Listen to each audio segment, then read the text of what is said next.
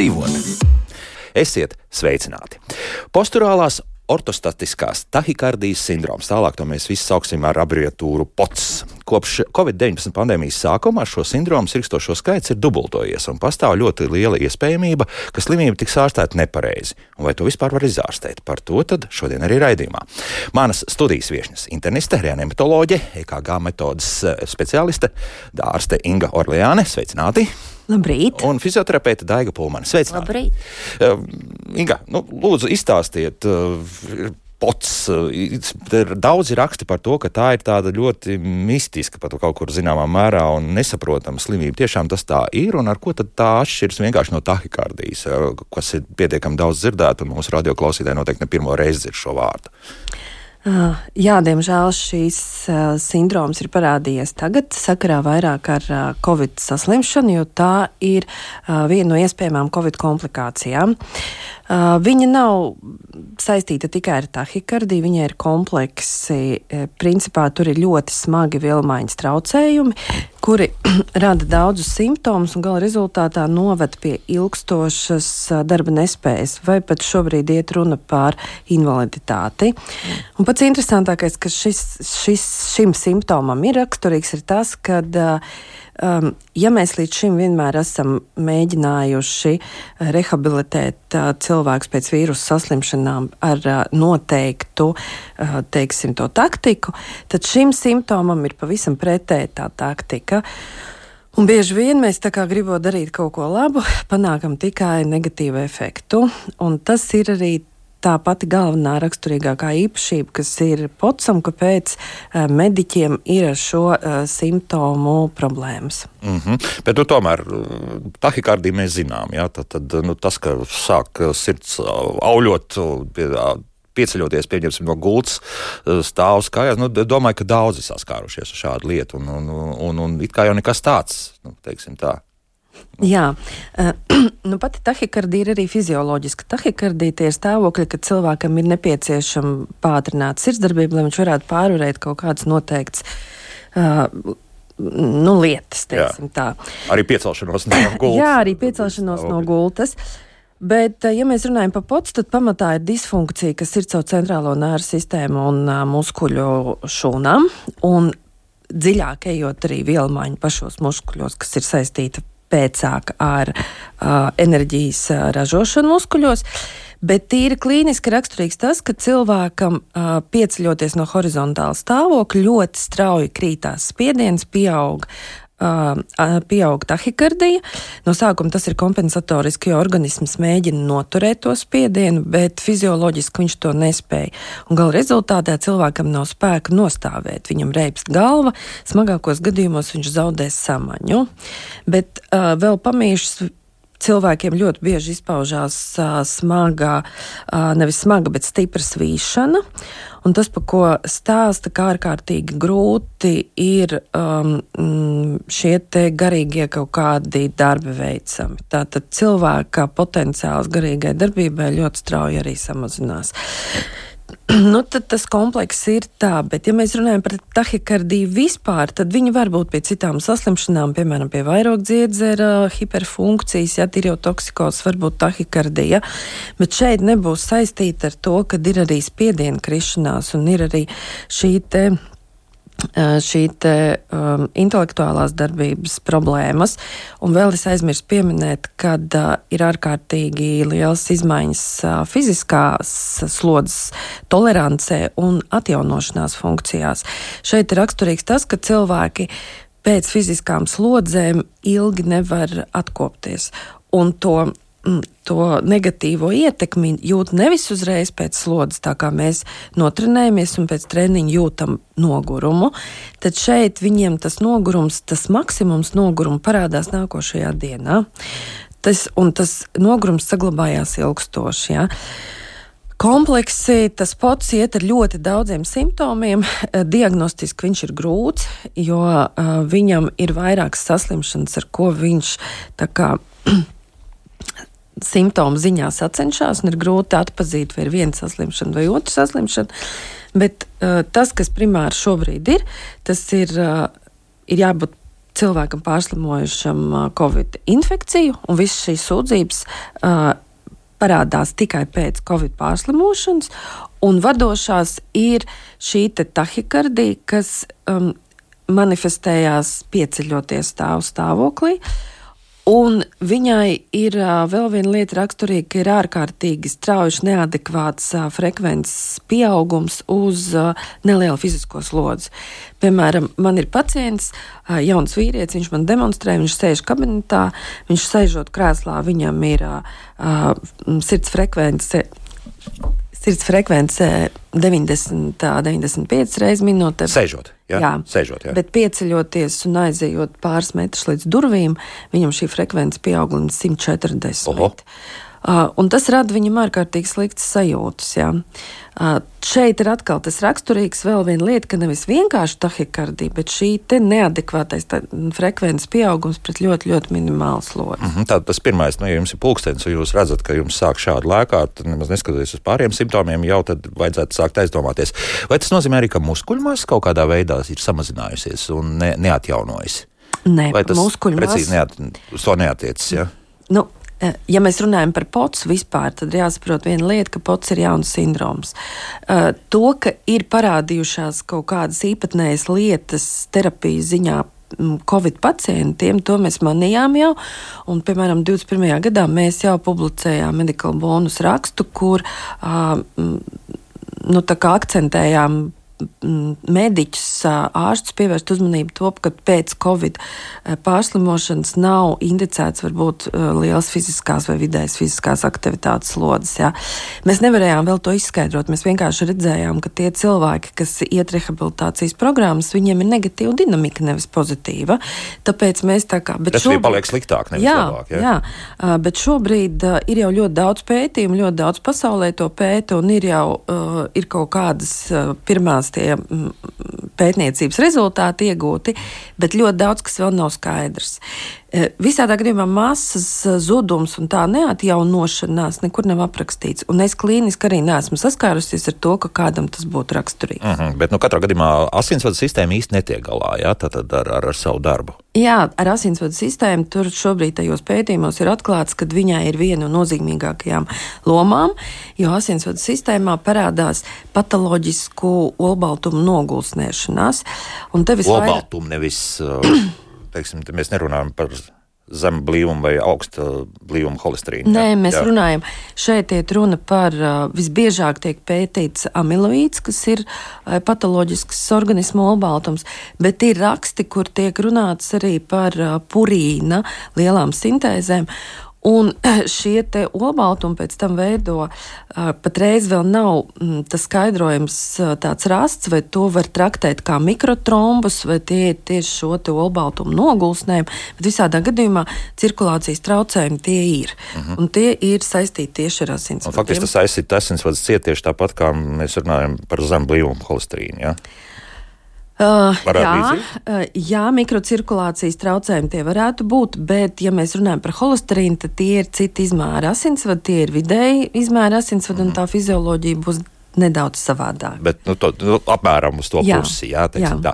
Labi, šeit paklausīsimies ar kādu ierakstu. Inga no Reizeknes ar covid saslima 2021. gadā, un slimības sekas joprojām jūt. Viņa reiķinās, ka ar veselības problēmām nāksies sadzīvot visu mūžu. Ar Ingas pieredzi iepazinās un uzklausīja Daina Zalamana. Slimnīcas bija pārpildītas, es hospitalizēta netiku. Es atpazinu jau pēc tā, ka pazuda garša un smarža, kas bija tāds unikāls simptoms, ļoti sāpēja muguras lejas daļa. Uz to brīdi akūtajā fāzē īsti pie ārstiem tikt nevarēja. Es biju bioru laboratorijā, kur man apstiprināja covid, bet aptuveni 5. un 6. akūtās saslimšanas dienā es sapratu, ka tā nebūs tāda vienkārša saslimšana, jo kļuva ar vien sliktāk, sāka spiest krūškurvī, bija grūtības elpot, bija pātrināta elpošana, pātrināta sirdstarpība, tahikardija, un tas viss turpinājās. Sāka tirpt rokas, kājas, tirpa seja un gāju arī pie speciālistiem, kuri uz to brīdi vienkārši atbildēja, atvainojiet, tā ir jauna slimība, mēs neko nezinām, mēs varēsim pēc gada vai diviem jums palīdzēt. Šī saslimšana viņa nav tāda lineāra. Viņa visu laiku vai nu kaut kas uzlabojas, kaut kas pasliktinās, tad atkal var būt labāki periodi. Nu, tā ir kā hroniska kaita ar saviem sāsinājumiem. Es biju vēl bērna kopšanas atvaļinājumā, līdz ar to es varēju diezgan tā veltīt laiku arī savai atlapšanai. Tā bija arī vasara, kad veselīgs uzturs, sāku braukt ar velosipēdu, es aizgāju pāris reizes uz pirti, un man sākās uh, problēmas uh, nu, vēl nopietnākas. Man sāka ļoti lēkāt asinsspiediens, sākās sāpes krūškurvī izteiktas, nu tādas kā pie sirdstriekas.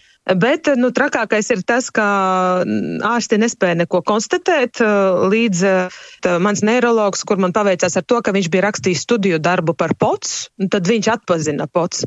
Dakteris Kārlis Tirāns Bērns. To darīja kopā ar savu kolēģi, neiroloģu mednieku, un tad viņš tālāk man nosūtīja pie Jāņa mednieka uh, šo diagnozi apstiprināt. Tradicionāli pots uh, diagnosticēts ar tā dēvēto slīpā galda testu, bet uh, tā kā es esmu no Reizeknes un man Rīgu izbraukāt nav īsti ērti, tad uh, ir tā dēvētais NASA tests, ko var katrs ārsts uz vietas izmantot. Kad es beidzot dabūju diagnozi pie doktora mednieka, tad viņš man arī uh, izrakstīja zāles, kas man ļoti palīdzēja regulēt sirdsdarbību. Un tas man atļāva arī vairāk atrasties vertikāli. Pots ir īpatnējs ar to, ka cilvēkam ir grūtības atrasties daudz laika pavadīt stāvot, sēžot un tam līdzīgi. Visi simptomi sāsinās tieši stāvot vai sēžot. Tā ir tahikardija, pastiprināta svīšana, galvas reiboņi, slikta duša, jebkura piepūle to vēl vairāk pastiprina. Ja es iepriekš esmu staigājusi garos gabalus pārgājienos un kāpusi kalnos, tad tagad man, man fiziski pietiek jau ar to, ka es uzkāpju pa kāpnēm uz savu piekto stāvu, tas jau man ir gana daudz. Piemēram, man meita jautā, mammu, kad tu atkal varēsi dejot. Jā? Es nevaru dejot, es nevaru darīt neko, kas izsauc slodzi sirdī. Es nevaru neskriet, ne bērnu vilkt ar ragaviņām ziemā, pat stāvēšana ilgstoši kaut kādā garākā rindā man ir apgrūtinājums. Es gribu uzsvērt, ka šī absolūti nav respiratora saslimšana. Jā? Tā ir neiroloģiska saslimšana, kardio kardiovaskulāra saslimšana, mani simptomi izpaužas sirdī, tās ir sāpes, krūškurvī, tā ir tahikardija pie piepūles, kaut vai, piemēram, ātri runājot aktīvi, jā, man ir aizdusa. Es to uztveru kā hronisku kaiti, jā, tas ir līdzīgi kā ar diabetu vai kā ar asmu, un tieši tāpat ir ar garo covidu, kura pots ir tikai viena no, teiksim, izpausmēm garā covida, jā. Katru dienu es pamostos un es to šo saslimšanu jūtu. Viņa nekur nav pazudusi, un viņa visdrīzāk visdrīzāk arī nekur nepazudīs, kamēr netiks uh, veikti pētījumi un atrasti risinājumi, jo šī ir hroniska kaita, ar kuru visdrīzāk man nāksies sadzīvot visu atlikušo mūžu. Un uh, es arī saņemu no draugiem un radiem ieteikumu būt pozitīvākai, bet man īsti nav pamata būt pozitīvākai. Zinat, kāda iemesla pēc? Tas, ka šī uh, iemesls, kāpēc man ir šī slimība, joprojām ir klātesošs. Jā, Covid joprojām izplatās, katru dienu saslimst ar vien vairāk un vairāk cilvēku, un katru dienu manam pulciņam pievienosies ar vien vairāk, kā es viņus devēju kolēģu. Jo šī saslimšana būs daudziem, un es pieļauju, ka jau ir daudziem vienkārši ārsti neatpazīstami atpazīst. Ja? Jo pie mums šobrīd speciālistu, kas saprastu šo slimību, ir ļoti maz. Vismaz es tā saskāros ar šādu situāciju. Nu, Ingai tā prognoze tāda ļoti nepatīkama. Tā, jo skaidrs viens, ka Covid-19 ir uz palikšanu ar visām savām blaknēm un, un, un, un tālāko mutāciju. Tas nozīmē, ka tā arī būs, ka arvien vairāk un vairāk varētu būt cilvēki ar šo pots faktiski sindromu.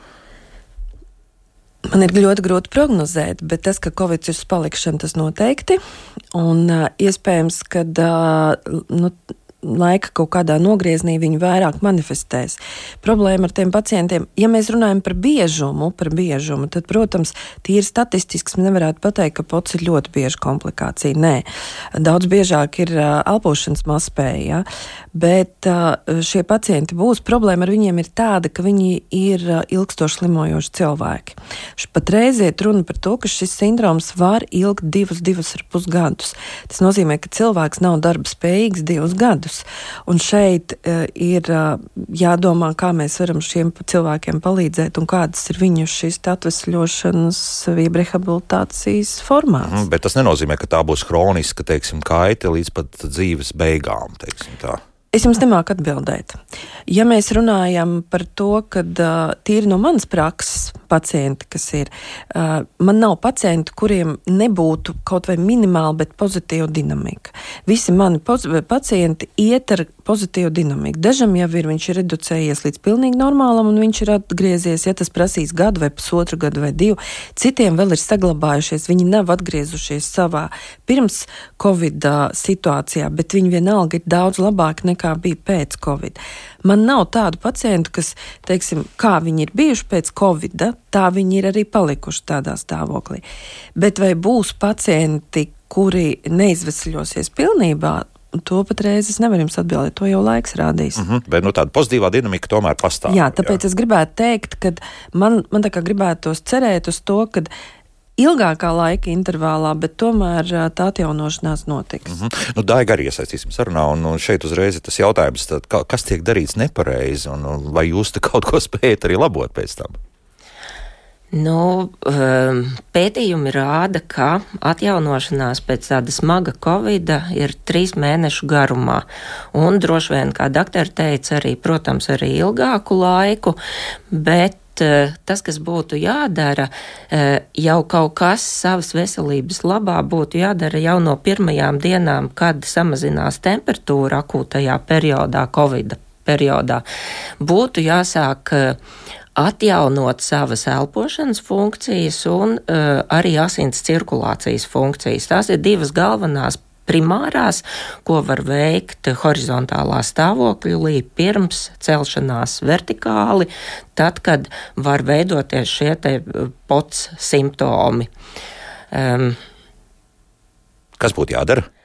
Eh, teiksim, tie pirmie vingrojumi, kas ir pavisam vienkārši, tā ir vēdera, jeb diafragmāla elpošana, Tātad, vai arī tāda dziļa, dziļa ieelpa, dziļa, dziļa izelpa, ieelpā vēderu piepūšot, izelpā samazinot. Tas ir viens variants. Tāds skoristu vingrinājums, jā. Tāds skori, jā, tieši tā, vai jā. runātāja vingrinājums, un otrs varētu būt, ka uh, uz četriem skaitļiem veicīja elpu, uz četriem skaitļiem elpu aiztur, uz četriem skaitļiem veids izelpu, un atkal ir elps aiztur uz četriem skaitļiem. Tātad skaitām 1, 2, 3, 4, jā? Jā. Vai, vai labāk 101, 101, 101, 101? Jā. Tātad 4 sekundes, jā, jā, aizturam, jā. Aizturam, pēc tam iet izelpa, 4 skaitļi un atkal aizturam elpu. Tāda uh, pētījuma viņi nosauc par kastes elpošanu, tā, tā kā visas malas vienādas. Nu, tie ir tādi primārie. Un otrs noteikti asins cirkulācija, kad mēs palīdzam sirdī pumpēt asinis no perifērijas uz centru, tātad no plaukstām un pēdām. Uh, savelkot plaukstas dūrītēs, atlaižot vaļā reizes 10, 20, tāpat eh, pēdas izkustinot uz augšu, uz leju, savelkot pēdu pirkstiņus kopā, eh, pumpējot asins no perifērijas uz centru, līdz ar to eh, palīdzot sirdī sūknēt asins. Mhm. Faktiski tas ir, tas ir ja, ja tiešām tas pats ir konstatēts un, un šī problēma pastāv, tad pēc katras nu, pirms katras piecelšanās, principā vajadzētu kaut ko tādu paveidot, jā, lai, lai tās asins uh, tomēr sāk cirkulēt. Jā. jā, noteikti. Bet tas būs akūtajā periodā, kad droši vien pots vēl nebūs nekādīgi mm. diagnosticēts. Nu, un tad jau ir soļi tālāk, tad, kad pots ir diagnosticēts. Tad arī principā tā ir trīs mēnešu darbs, kas sākās ar horizontālu pozīciju, pakāpeniski pārējot sēdus pozīcijā, kas ir tāda daļēji vertikāla pozīcija, un tad stāvus pozīcijā. Un šeit galvenā lieta tiek um, virzīta uz slodzes izturības veicināšanu un noteikti iekļaujot arī elpošanas tehnikas. Šeit noteikti ir jāsako sirdsdarbības frekvencei, vadoties pēc formulas, kas visdrīzāk jau uh, ir zināma, kas ir 220 mīnus vecums, un uh, atjaunošanās, jeb rehabilitācijas posma sākumā, uh, tie ir uh, 60 līdz 70% no maksimālās sirdsdarbības frekvences. Tātad tā kaut kur ap 90-100 būtu. Ap 90-100, bet tas atkarībā no tā, cik cilvēks ir jauns vai vecs. Nu, jā. Un, un, nu, bet, ja tās tomēr tas um, sirds pārāk sāk strādāt un 120 un 130 aiziet, tad pārstāt vai, vai tomēr sevi pamocīt? Nē, šajā gadījumā pie šī, ja ir tiešām pots sindroms, sevi nav jāmoka, jo arī nodarbības ilgums ir neliels. Sākumā 10, 15, nedaudz vēlāk 20, 25 minūtes. Un, Šajā gadījumā, ja mēs redzam, ka sirdsdarbības frekvence pieaug vairāk par mūsu pieļaujamo, ir jāatgriežas zemākā pozīcijā, vai nu sēdus, vai nu guļus gultā. Mm -hmm. Tātad tāds regress, jā, un jā, jā, un atjaunošanās, un atpūšanās noteikti. Un tas viss palīdz. Tas, tas viss vairāk vai mazāk, ja to ievēro un, un regulāri dara, tad tiem kaut pats... kādi labumi nāk, jā, tomēr. Noteikti. noteikti, noteikti atjaunošanās būs ātrāk, un, un mani pacienti, ar ko es esmu strādājusi pēc Covid ar POTS sindromu, Uh, ko es zinu tagad, ka tas ir pots sindroms. Tajā brīdī vēl šis pots sindroms nav diagnosticēts, bet pacientam ir galvas rēboņi un tahikardija, un pakāpeniski izējot posmus ilgākā laika periodā, uh, uzlabošanās noteikti ir. Mm. Un nekādā gadījumā tad nevajag kaut kādas uzreiz mēģināt skriet, piemēram, vai vēl kaut ko tam līdzīgu, nezinu, uz velotrenažieru kāpt virsū to, vai, vai varbūt kaut ko, nu, Tie... nezinu, kaut kā 5 minūtes pamīt tos pedāļus, nu, ja mājās stāv. Nē. Mm, es nerekomendētu. Problēma ir tāda, ka uh, tam potu sindromam ir uh, vilmaiņas, nu, ja mēs varētu izteikties vilmaiņas traucējumi, bet reāli tas ir tas, ka uh, mums katrā organisma šūnā ir tāda struktūra kā mitohondrijas. Un tā ir mūsu šī energostacija, kas ražo nu, enerģiju uh, konkrētai šūnai. Viņu var pārvadīt, bet principā uh, šūnas dzīvības uh, funkcija ir atkarīga. Tad pots pamatā ir tas, ka šie mitohondriji, viņi nespēja tik ātri atražot enerģiju. Viņi ražo pilnīgi e, pareizas, bioķīmiski aktīvas vielas, normālā nu, daudzumā, tikai ilgākā laikā. Tikai un to piegādi švaki. Jā. jā, tad nozīmē to, ka, ja jūs mēģināsiet uh, sevi mocīt, jūs tērēsiet to, kā jums nav un ko jums šīs šūnas nespēj saražot. Tāpēc... Un arī neatjaunos, ja? Nu, ah, atjaunos, daudz lēni. ilgākā laikā. Un, ja jūs pārtērēsiet, jo mums ir tā kapacitāte, kas nodrošina šūnas dzīvību, ja, ja jūs viņu pārtērējat, tad ir jautājums, vai šūna vēl ir dzīvot spējīga. Ja? Un šeit ir jautājums, jūs sevi mokat un jūs uh, pakļaujat šīs šūnas uh, ļoti lielam riskam, dzīvības riskam. Un šīs šūnas, šis mehānisms ir gan smadzeņu šūnas, gan muskuļu šūnas, gan jebkuras šūnas, kas mums ir. Šeit arī ir, kā pacients stāstīja un teica, ka centrālās nervu sistēmas slimība un, un, un kardiāla slimība un absolūti tur 3-4 nozoloģijas minēja. Nu, tā gluži nav.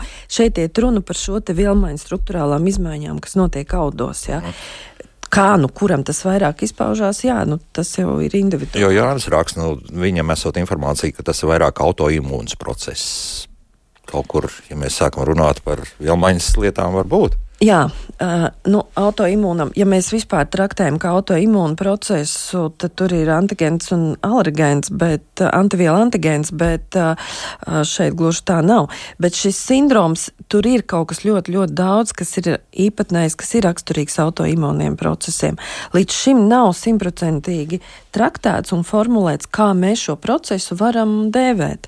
Viņš ir gan, gan struktūra, ir arī, piemēram, minēts, kad ir fizioloģiskas izmaiņas audos, ka te pašā sirdī tur, tur mm, fibrotiski audi ieaug un viss. E, mēs vēl medicīnā nav simtprocentīgi pielikts punkts un pateikts, kā mēs varam nosaukt un kas tas e, par procesu ir. Redz, mēs esam pašā ceļa sākumā tikai. Jā. jā. Jā, es domāju, ka pēc kaut kāda laika varbūt mēs vairāk varēsim teikt un, un, un, un apgalvot, ka jā, tas ir vairāk autoimūns vai tas ir vairāk infekcijos. Nu, to, to tad redzēs. Mm -hmm. Runājot par slodzes palielināšanu, vēl vienu jautājumu šai pusstundā. Gustavs jautā, varbūt nojošana tādā gadījumā varētu palīdzēt, tā esot piemērot tas sirdsdarbības trenēšanai, protams, bet vai atkal mēs to varam attiecināt, ja tas pots tiešām ir un mēs noskaidrojam, ka viss ļoti lēni jādara. Ja, un nojošana tieši tāpat kā vēl tranžieris, nu, tur tomēr slodze ir pietiekama. Ja. Nu, ja mēs salīdzinām nojošanu un velotrenažieri, tad velotrenažieris būs labāks, jo velotrenažieris ir sēdas pozīcijā. Bet eh, pētījumi rāda, ka vajadzētu sākt ar horizontālajām aktivitātēm, ja mēs runājam par slodzes izturību, un tas ir velotrenažieris, kas ir guļus pozīcijā, kas tiek veikts, vai peldēšanas aktivitāte arī, vai uh, Nākošais solis būs sēdus pozīcija, kas ir airēšanas trenažieris, kas ir velotrenažieris sēdus pozīcijā.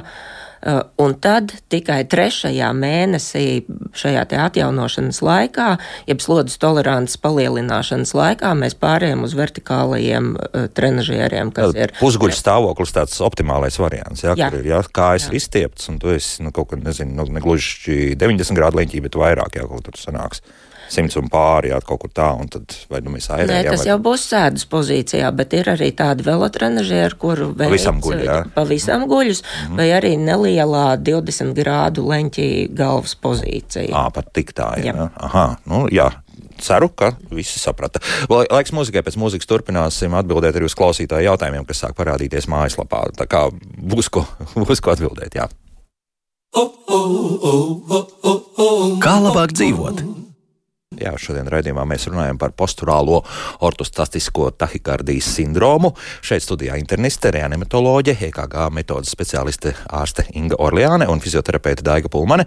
Nu, un palēnām mums sāk arī radioklausītāji rakstīt Latvijas radio.lv. Tur tālāk jāatrod radio viens un raidījumu, kā labāk dzīvot. Ja ir kādi jautājumi vai pārdomas, rakstiet. Un nu, klausītāji satraucas, vai tiešām pēc Covid pārslimošanas tas notiek ar visiem? Uh. Nē, es negribētu teikt, ka ar visiem noteikti nē. Un vēlreiz uzsveru, ka pots pats par sevi tīri statistiski pots sindroms nav bieža uh, covid komplikācija. Bet te ir jautājums par to, cik lielā mērā izteikts un vai visi simptomi. Uh, tas, kas varbūt ir raksturīgs, ir raksturīgs, kad uh, pēc Covid atjaunošanās laiks ir ilgāks nekā mēs esam pieraduši pēc gripas atjaunošanās laiks bijis. Ja?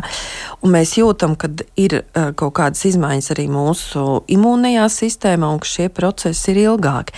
Tas gan ir raksturīgs Covidam, bet, uh, un tas uh, ir bieži sastopams, bet pats pots sindroms uh, noteikti ne, un tam ir jābūt arī, tagad ir pētījumi, kam tad attīstās tas pots sindroms.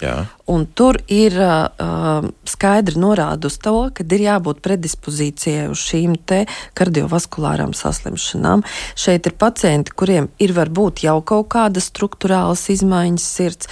Tur varbūt ir ģenētiska kaut kāda predispozīcija uz citām tām pašām autoimūnām saslimšanām, bet šeit ir nosacījumi, kas ļauj šai komplikācijai vairāk attīstīties. Tagad tas ir izlīdz ārā. Jā, Covid jau pats par sevi bija vīrus, kurš ļoti uh, pātrināja dažādu saslimšanu manifestāciju. To arī mēs novērojām, ka tie, kas pārslimoja Covid, uzreiz izlīd kaut kādas citas, varbūt hroniskas saslimšanas. Mm -hmm. nu, cilvēki vēlas noskaidrot, cik daudz tādu varētu būt Latvijā cilvēku, kam šobrīd pots ir konstatēts kaut kāda jau noteikti statistika. Tādas statistikas, manuprāt, nav. Pots, mēs, varam, jā? Jā, mēs varam runāt par simtiem gadiem, vai tie jau tūkstošos varētu būt arī.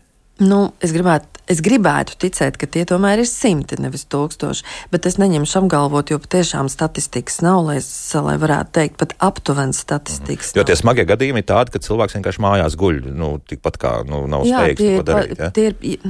Jā, man pavisam nesen bija paciente, kas ir slimojusi 21. gadā. Skaitiet, jau trešais gads šobrīd viņai iet. Un viņa ierodoties uz vizīti, mēs izmērījām spiedienu, bija 76 uz 50.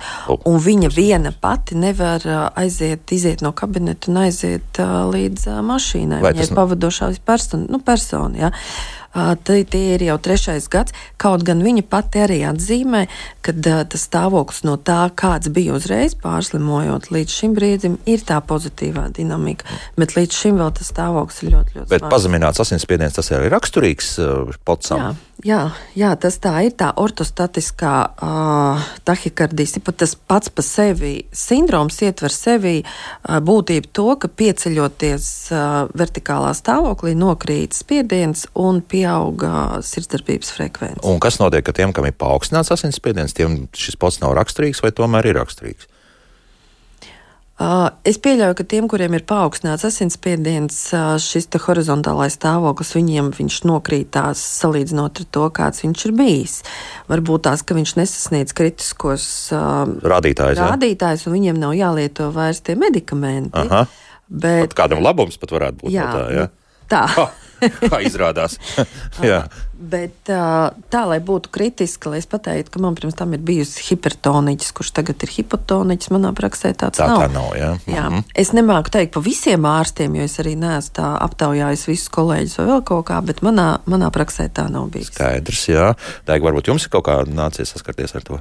Jā, es domāju, ka cilvēkiem, kuriem jau ir, un tādu ir diezgan daudz, kuriem jau izējoši ir pazemināts asinsspiediens, strādājot ar studentiem, mērot asinsspiedienu, bieži vien grupā ir asinsspiediena 90 uz 60, un šajā gadījumā varbūt pārslimojot eh, Covid eh, infekciju, šis varētu būt, kad arī asinsspiediens paliek vēl zemāks, jo šūnas, gan muskuļu šūnas, gan asinsvadu šūnas visas ir paliek. Tātad viņas ir kaut kādā veidā bojātas, ko mēs vēl līdz galam nezinām, kā un kāpēc. Un šī atbildes reakcija, muskuļu spēks, asinsvadu saraušanās eh, ir palēnināta vai samazināta. Nu jā, nu jā. tā paklausīsimies arī kādu klausītāju. Lūdzu, jūs varat jautāt? Labrīt! Labrīt. Uh, sakiet, lūdzu, varbūt šī doma ir uh, galīgi aplava, bet Jebkurš cilvēks, kas ir slimu, saslims ar uh, covid, pa lielākai daļai ir saņēmis potes. Vai tas nevarētu būt pote plus covid slimības iedarbība kopā, abi plusojās? Mm -hmm, labi, labi, jā, sapratām. Šī, jā. Labi, paldies. Vai šeit vakcinācija pie kaut, kādu, kaut kādas likumsakrības ir, ka ir vakcinēti cilvēki, un līdz ar to arī tas pats vairāk ir? Nu, Ķīnā tikko tagad ir pētījums, kur viņi ir ietvēruši ļoti lielu, mm, nu, relatīvi lielu to pēt, pētāmu pacientu skaitu. Tur ir desmitiem tūkstoši iekļauts tajā pētījumā, un šobrīd tur tā attiecība ir tāda, ka tie, kas nav mm, nav uh, bijuši potējušies, pārslimojot Covid, piecas reizes biežāk komplicējās ar pots nekā tie, kas ir uh, bijuši potēti un ir pārslimojuši Covid. Mm -hmm. Es nu, pareizi izteicos. Sapratāt, jā, jā, es domāju, ka sapratu, jā. Jā, ka tomēr šeit nav likumsakarības. Jā, tad, tad Plus drīzāk, poti, tagad būs jā. reiz pots. Jā, nē, jā. tieši otrādi. Nē, tieši otrādi. Tiem, kuriem bija potes un kas ir pārslimojuši, jo ir tādi cilvēki un diezgan daudz, kas neskatoties uz to ir pārslimojuši, viņiem tomēr šīs komplikācijas ir pieci reizes retāk nekā tiem, kas nebija potējušies un pārslimojuši. Mm -hmm. nu, lūk, Elīte savukārt jautā, kā es varu pārliecināties, ka man tas pots ir vai nav. Klaus klausos raidījumu un atpazīst visus simptomus. Uz to laikam nevajag īpaši paļauties, ja, tūlīt jūs izdzirdēsiet, bet tomēr kā tā diagnoze īsti tiek noteikta? Um. Ar to diagnozi ir ļoti, ļoti sarežģīti, jo nav izstrādāta diagnozes kritērija.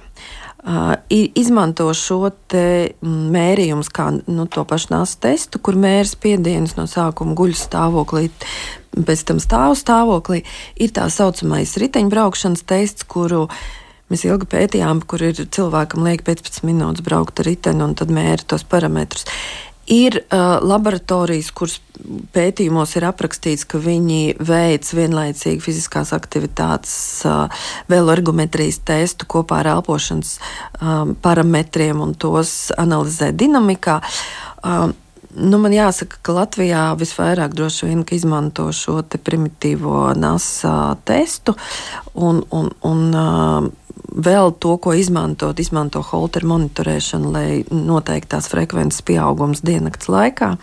Un, teiksim, Tātad, ja pārbaudiet savu miega kvalitāti, tad pie reizes var arī pārbaudīt šo miega kvalitāti. Nu, holter, teiksim, Tas ir ne, At, holters, es ap, jā, jā, jā. ritma, jā, jā. sirds ritmā pieraksts diennakts. Jā? Jā. To, to uh, pierakstot, tur parasti tad ir uh, jāatsaucās uz to, uz to, ka tas ir uh, ar domu par pots, un tur tad uh, diennakts laikā pacients arī pieraksta, kad viņam ir bijušas kaut kādas fiziskās aktivitātes un kad viņam ir bijis tieši miera stāvoklis, un tad var salīdzināt tos laikus ar, ar, ar tieši frekvences pieaugumu un ritmu izmaiņām. Mm -hmm. nu, un principā to var arī paši darīt ar savu vietpulksteni. Nu, Vietpulkstenis ir, ir ļoti jā. laba lieta šajā, jo patiešām, un vietpulkstenis mani pacienti ļoti daudz izmanto, lai arī pēc tam dinamikā novērtētu, kā, kā kas mainās.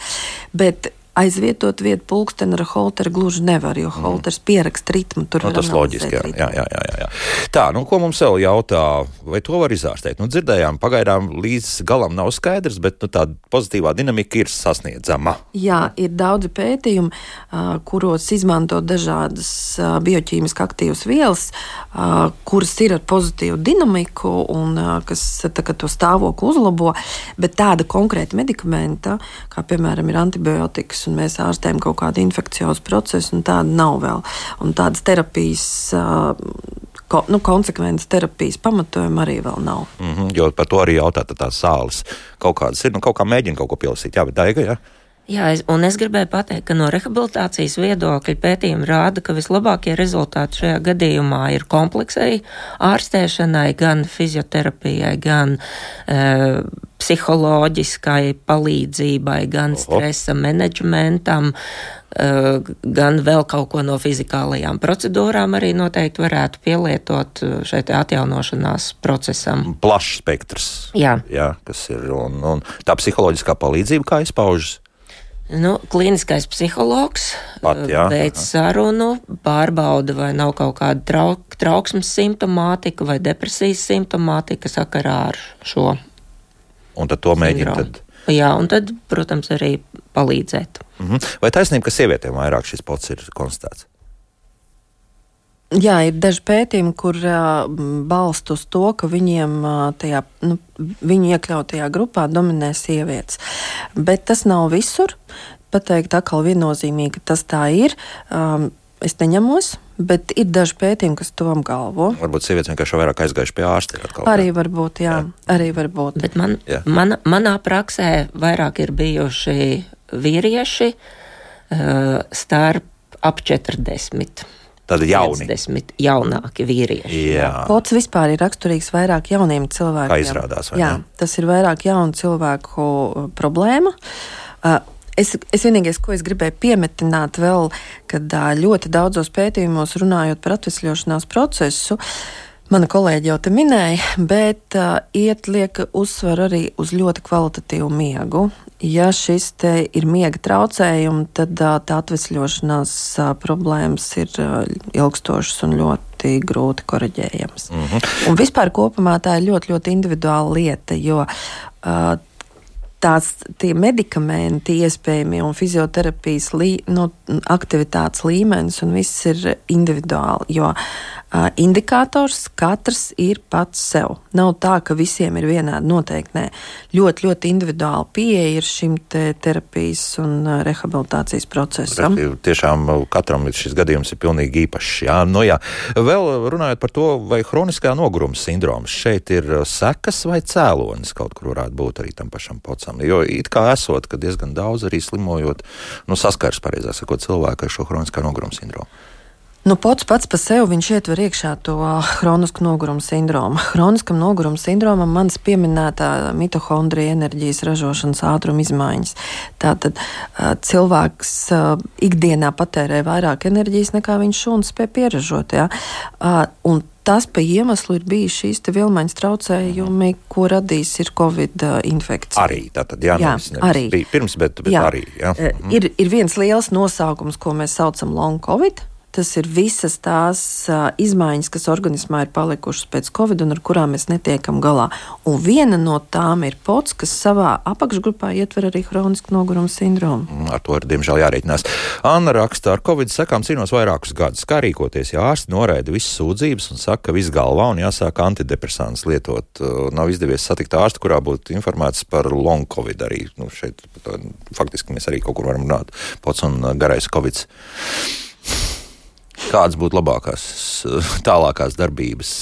Meklēt citu ārstu, vai, vai tomēr varbūt mūsu radioklausītāji kaut kādā veidā pārspīlē un tomēr pamēģināt arī kādas šādas zāles. Uh, nu, principā tie ir uzturbagātinātāji, tie nav īsti zāles. Uh, protams, man ir ļoti grūti pateikt, jo pats si sindroms uh, ir pilnīgi jauns. Uh, es jau minēju, ka tie diagnostiskie kriteriji nav izstrādāti. Tīri pat fizioloģija nav arī atklāta un nav apkopota. Tāpēc viennozīmīgi šodien kā reizi ir starp citu diena, kad ASV senāts uzklausa long covid pacientus un viņu ārstus. Ja? Tā kā mums ir kaut kāda izmeklēšanas komiteja. Jā, jā, jā oh. ir, ir tādas paralēlas, jo tā problēma jau skar ne tikai mūs, bet visus. Mēs saskaramies ar kaut ko jaunu, kas līdz šim nav bijis un ko mēs īsti nepazīstam. Uh, es domāju, ka nevajag pārmest ārstiem, mm, kad, uh, bet uh, varbūt ir vērts meklēt kādu palīdzību kaut kur uh, citur. Ja? Jā, jo ties, tas jautājums atkārtojas vairākas reizes mājaslapā par to, vai tiešām ārsti zina par kaut ko par to, un vai ārsti arī sāk izglītoties šajā jomā. Nu, tas iespējams vairāk pat ir jautājums par ģimenes ārstiem. Jā. Nē, nu, tā informācija tiek izplatīta, un es domāju, ka viņa cilvēki ir dzirdējuši, long covid visi dzirdējuši, nerunājot jau par ārstiem. Tā, tā nav problēma. Problēma ir tāda, ka vēl nevar ārsts, nevar, teiksim, tos die, di, nu, redzēt, tie izstrādātie diagnostiskie kritēriji, kas ir tam pašam potsam, viņi saskan ar vairākām neiroloģiskām slimībām. Un tagad ir jautājums, kāpēc mēs liekam pots un kāpēc mēs neliekam, piemēram, kaut citu, jā. Jā, kaut ko citu. Uh, tas, tas rada vēl iekšēji, nu, teiksim, ārstu starpā jau problēmas tam visam, kur nu vēl, uh, tāpat kā man atnāca šī pati pacienta, kas atnāca un teica, vai viņa trešo gadu slimojot ar, uh, un esot tādā stāvoklī, nevar kārtot invaliditāti. Nu, nav juridiski šie. Nu, jautājumi vēl sa, nu, nokārtoti. Es domāju, ka to problēmu ir jāaktivizē, par to ir jārunā. Tā, tā ir un ar to mēs saskarsimies. Bet kā viņu šobrīd risināt, es jums nemāku atbildēt. Nu, vēl jā, laiks, diemžēl, jā, strādā ne, ne, ne tajā virzienā. Teiksim, jā, te būs jāuzkrāj, jāuzkrāj informācija un arī beidzot, līdz kaut kādiem algoritmiem jānonāk. Jā, jā. Tā. Reko kate mums raksta, man ir pots, asinsspiediens pieaug, nevis pazeminās. Un tas esot hiperpots, jo vairāk laika pavada vertikāli, jo augstāks spiediens lietojas zāles, kas mazina gan pulsu, gan spiedienu. Tā var būt, varbūt. Nu, Tāda smaga nopūta, jā, doktor. jā, nu, var sakot tā, man ir, es ja mēs runājam par klasisku pocu, par ko mēs runājam, tur iet runa par šo te e, tahikardiju un zemu spiedienu. Protams, ka visas šīs vielmaiņas izmaiņas var radīt arī citus simptomus, un tas ir atkal individuāli. Ja? Vai to var atkal traktēt kā tādu hipotezi, es nemāku teikt, jo nav tāds diagnostisko kritēriju, ka jā, tas, tas ir. Un šeit atkal ir jautājums, kā mēs varam diagnosticēt, ka tiešām tas ir pēc kā komplikācija pēc Covid, vai Covid vienkārši ir Covid dēļ ir manifestējusi arteriālā hipertenzija. Ja? Nu, Tas ir atkal tāds kā vienkāršāk, jā, daigi, jā. Un man vēl viena piebilde šajā gadījumā, ka gan Covid seku rezultātā, gan vispār cilvēki lieto pārāk maz šķidrumu ikdienā, un tas varētu arī būt no iemesliem gan paaugstinātam arī asinsspiedienam, gan um, gan šūnu darbībai un šūnu atjaunošanai organismā. Un, ja tiešām tās ir covid sekas un ir uh, samazināta asins cirkulācija asinsrites sistēmā, tad šķidrumu uzņemšana, kas ir ūdens un zāļu tējas. Šajā gadījumā mēs nerunājam par cukurotajiem un gazētajiem dzērieniem, bet tikai ūdens un zāļu tējas, kas būtu jāuzņem. E, pirmajā mēnesī pēc saslimšanas, ja nav nekādas nopietnas nieru vai aknu saslimšanas, līdz pat uh, diviem, divi ar pus un pat vairāk litriem. Tātad tīri šādas tējas, nu pāris lielas tējas krūzes, tad jāizdzer, jā, dienā. Obligāti. Jā. Jā. Nu, Neuztraukties par to, ka varbūt, ka nieres netiks galā tur. Un, Un līdz ar to šī asins cirkulācija, tā skaitā arī asins spiediena paaugstināšanās, pazemināšanās varētu būt uh, sakārtota. mm -hmm. Vēl jautā par atkārtoto inficēšanos ar Covid-19. Tāda pastāv, vai šeit arī ir kaut kādas, nu, nezinu, likumsakrības, ka nu, vienreiz nedabūju, otrais var dabūt? Jā. Arī, jā. Nu, Covid pats par sevi ir vīrusu slimība. Tas ir tāpat kā gripa. Mēs izslimojam vienreiz gripu. Gripai, tāpat kā Covidam, ir nenoturīga imunitāte, un mēs varam saslimt pēc, no, nu, pēc noteikta laika. Mēs varam saslimt atkal. Un tad tas pats var parādīties. jā. Var parādīties. Tur uh, iet runa par to arī, ar cik uh, nu, tas saucās, cik stipri virulents štams ir, ar ko mēs inficējamies. Ja to varētu saprast tā, ka tas vīrus, cik ļoti viņš ir patogēns. Vienreiz mēs ar to štāmu, kas ir mazāk patogēns, un tad varbūt mēs pārslimējam, pot, potus nedabūnam. Nākošais mēs dabūjam citu štāmu, kas ir vairāk patogēns, kas izraisa lielākas izmaiņas, un tad mēs to nu, saslimšanu komplicējās ar potu. Un tas tagadējais N1, kuram tā vēl viena tāda pīķa smaili klāta, tad tas ir, sanāk, var vēl bīstamāk viss notikt. Ja?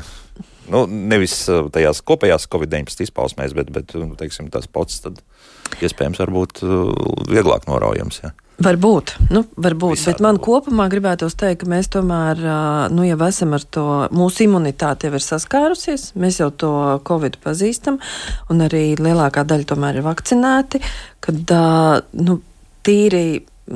Tīri teorētiski vajadzētu, ka kopumā, kopumā mēs sākam mazāk slimot ar covid, un vieglāk slimot, un arī mazāk komplikāciju. Tas arī piebrīmzēs, arī tā pats izplatība. Ja? Bērni un pusauģi arī vecuma grupas mēs noskaidrojām, ka salīdzinoši jauni cilvēki vai bērniem ir, ir manīts. Nav. Nē, un arī pētījumos es neesmu lasījusi nevienu pētījumu, kur būtu runa par bērniem. Nu, vēl ir dažādi jautājumi, un galvenokārt tiešām mūsu radioklausītāji saskārušies, ka viņi jūt, ka tās pazīmes ir tādas bijušas, bet uh, nu, tad. Ģimenes ārsts, pie ģimenes ārsta ir vērts šobrīd doties, vai ģimenes ārsts pagaidām ir lielā neziņā un nespēj to konstatēt un tālāk nozīmēt, kur īsti jāskatās. Doktor, kā jums liekas, kāda būtu tā Nu, pareizā ģimenes ārsts ir pirmā instance, pie kura vispār ir jādodas. Saprotiet, arī kurām veselības problēmām, tā izskaitā ar komplikācijām pēc covid. Uh, Es domāju, pateikt, ka uh, ģimenes ārsti, nezinu, nekādā gadījumā ģimenes ārsti ir ļoti labi informēti. Viņu asociācija ļoti daudz rīko sēdes un visu, un viņi par to runā. Uh, protams, cik ļoti advancēts ir katrs ģimenes ārsts, to es jums uh, nemāku teikt. un Varbūt ka katram klausītājam arī tā komunikācija ar savu ģimenes ārstu. Bet primāri ģimenes ārsts ir tas, pie kura vajadzētu iet un tālāk tad domāt, kā šo problēmu risināt. Mm -hmm. Un tad neiro Tā, jāteikt. tālāk droši vien pēc simptomātikas vai nu jādodas pie kardiologa vai pie Neirologa. neirologa. Ir arī ļoti daudz Imunologa. Jā, arī gastroenterologi, kas, Jā. jā. kur vairāk izpaužās cilvēkiem problēmas. Nu, citiem sirds, citiem centrālā nervu sistēma. bet ir- tas ir. Jā, jā, nu, Un varbūt pie gramo, fizioterapeita. jā, Arī gramošanas. pie Pie fizioterapeita. fizioterapeita nonāk vienmēr. Kas varbūt ir labi. Jā, nevis varbūt, bet tā arī ir. Šodien beidzam un saku paldies internistei, reanimatoloģijai, EKG metodas speciālistei dr. Ingai Orleānai un fizioterapeitei Daigai Pulmanai par sarunu. Paldies, dāmas! Uh, Savukārt, jums. rīt mēs esam nomainījuši tematu. Diemžēl mums meistars netika un Kristiāna Vavalīstai grīdas likšanai ne, arī nav vēl tikusi. Tātad būs drusciņ cita saruna par emocijām darba vidē. Savukārt, piekdiena latviešu valodas stunda. Jauku dienu visiem un otā!